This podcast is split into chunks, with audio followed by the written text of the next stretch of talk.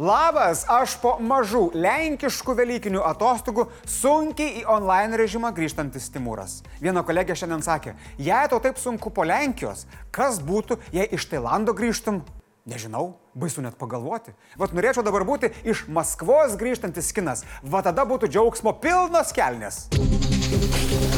Kad mums vakariečiams Kinija keista šalis plačiai žinomas faktas. Kinams džiaugsmą kelia mums neprimtini dalykai. Nu, komunizmas, fe, šunų valgymas, fe, fe, fe, arba draugystė su karo nusikaltėliu.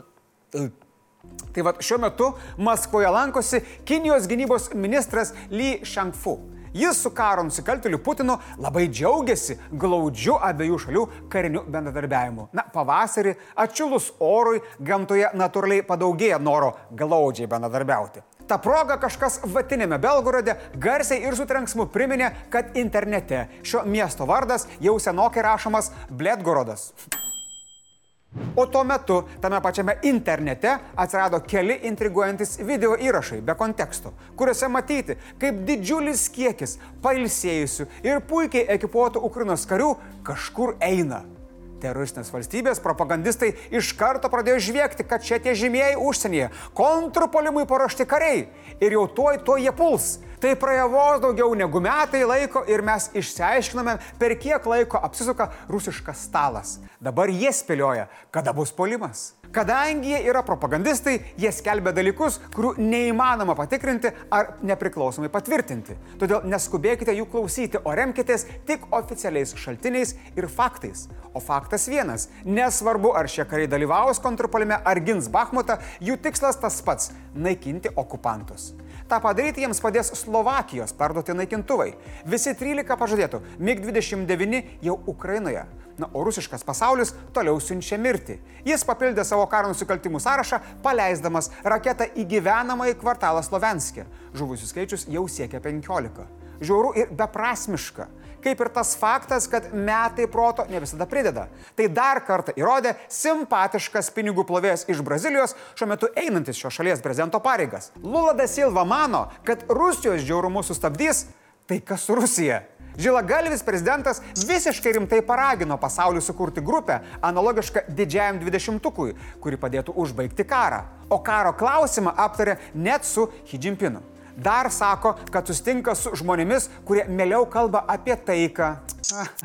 Aš tik priminsiu, kad Brazilijos prezidentui jau 7-7 metai, o būtent tokio amžiaus žmogučius mėgsta sukčiai kas savo santopas atiduoda, o kas savo paskutinį proto likutį. Beje, nežinau, kaip jūs švęsite Ukrainos pergalės dieną, bet gynybos ministras Oleksijus Reznikovas žino, tą dieną įteiks savo atsistatydinimo prašymą.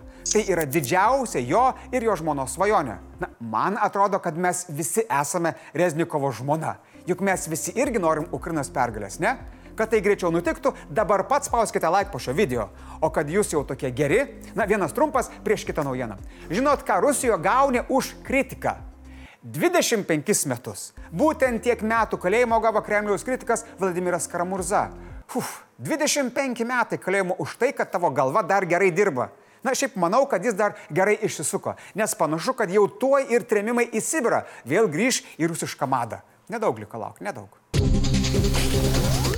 Pagaliau pasibaigė konservatorių ir laisviečių darybos, tad Vilnius jau dabar tikrai turi naują valdžią.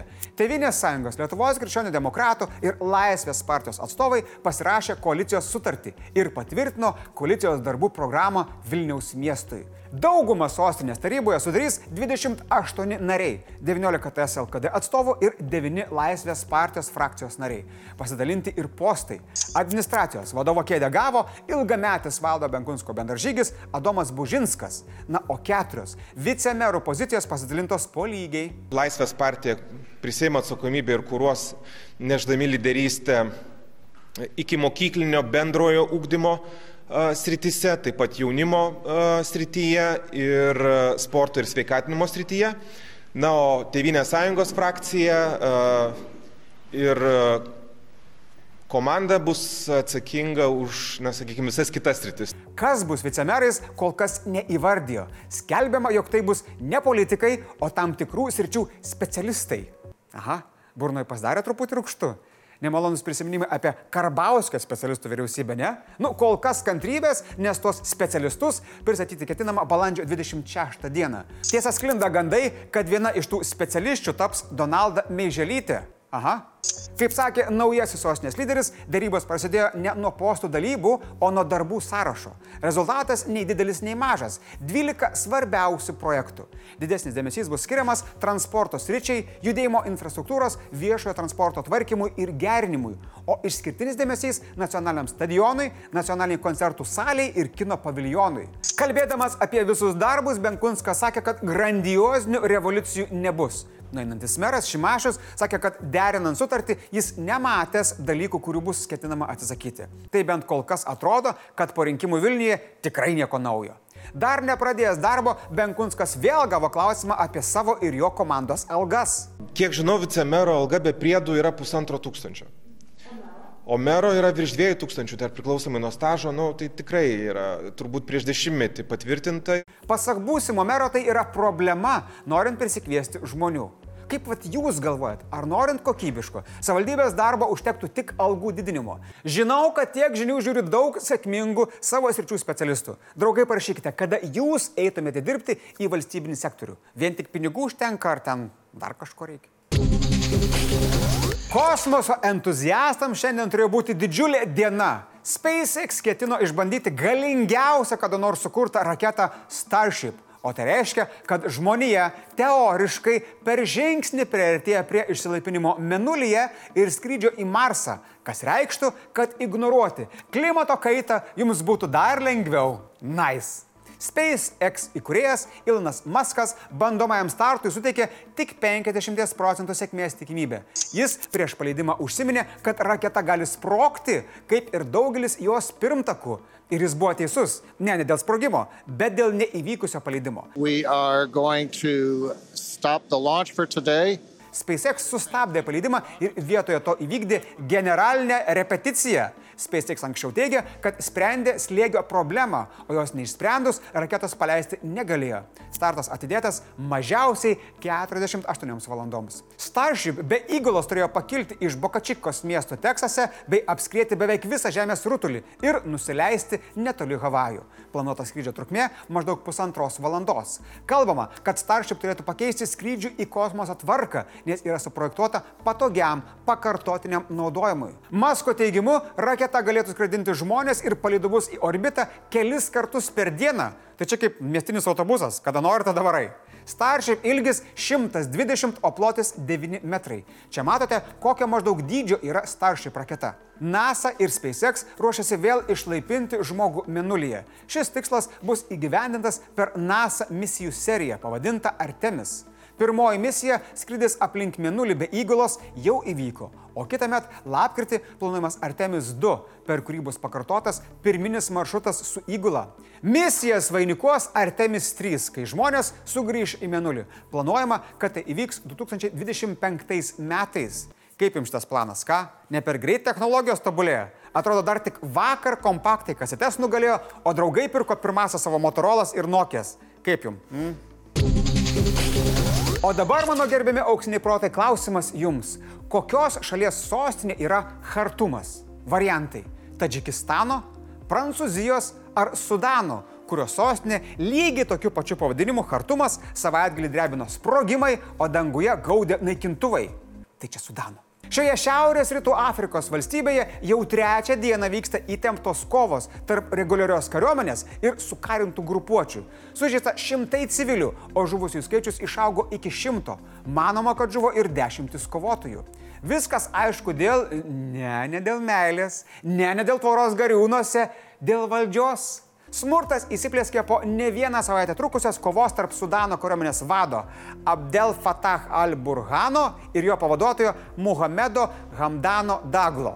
Pastarasis vadovauja galingoms sukarintoms greitojo reagavimo pajėgoms. Įdomu tai, kad sustarimas dėl kariuomenės integravimo buvo paskutinis lašas ir būtų užbaigta krizė, kilusi po 21 metų karinio perversmo, kurį jie kartu ir surengė. Tai taip išgirdo teisingai. Šitie du kartu sukėlė perversmą, o dabar pyksasi tarpusavyje.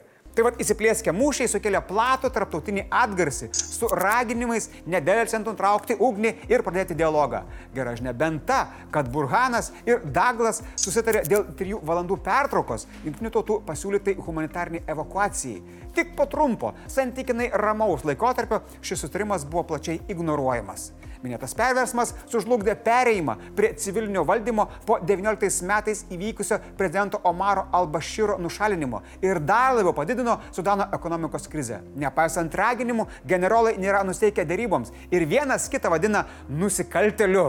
Tai bro, čia yra grinai kaip Sigel ir sodaičio afrikietiška versija. Na.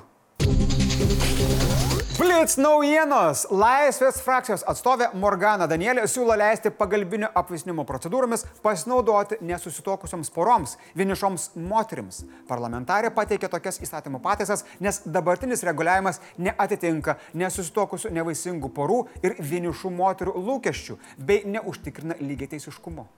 Per avariją Vilniaus rajone Maišegaloje žuvo penki asmenys, trys iš jų nepilnamečiai - 17 metų jaunuolis, 8 metų berniukas, o ligonės reanimacijoje mirė šešerių mergaitė. Avarija įvyko anksti ryte, susidūrė sunkvežimis ir lengvasis automobilis. Pirminiais duomenimis lengvasis automobilis palindo po sunkvežimiu, šis nuo smūgio apvirto. Statybų inspekcijos komisija ištyrė klebonišką arba Alfonso Meškinio tilto per nerį konstrukcijos griūties priežastis. Konstatuota, kad incidentą lėmė kelios priežastis. Tarp jų tilto ardymo technologijos pažeidimas ir nepakankamas armatūros kiekis atramų lūžio vietoje. Mažiausiai keturi žmonės žuvo, dar 28 buvo sužeisti per masinės šaudynės JAV Alabamos valstijoje. Šaudynės įvyko per 16-ojo gimtadienio vakarėlį šokių studijoje. Po incidento prezidentas Joe Bidenas dar kartą ragino sugriežtinti ginklų įstatymus. Draugai, šiandien komentaruose jums yra siūlomos netgi dvi temos. Pirma, galite parašyti savo nuomonę, jeigu esate ekspertas, kas jūs prikviestų darbui į valstybinį sektorių, nu į savivaldybę. Didesnė alga, ar dar jums ten kažko reikia, ko jums ten reikia, parašykit, labai įdomu. Arba galite pasidalinti savo nuomonę apie technologijų judėjimo greitį. Per greitai, per lietai, ar kaip tik taip, kaip reikia. Nes man tikrai atrodo, kad mano kolekcija, kasečių kolekcija dar tikrai galėtų parsiduoti. Beje, žalgeris, ten švalgeris, aš manau, kad va čia yra vienintelis sportas, kuris mums turėtų rūpėti.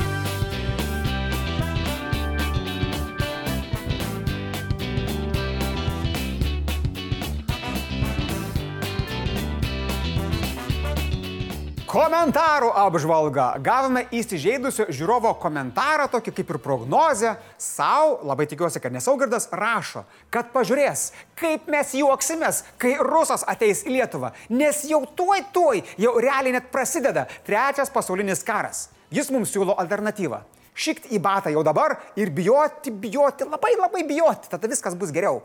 Tuo tarpu kitas, akivaizdžiai vyresnio amžiaus žiūrovas, teirausi, kasgi yra tas diskordas. Nu, žinokit, pasakysiu taip. Jei jau nespėjot į tą traukinį, tai paleiskit, nebegalvokit apie tą Discordą. Ir tik to, ką pamirškit, Snapchatą, manau, visi nuo to tik laimėsim. Šiandien tiek žinių, iki.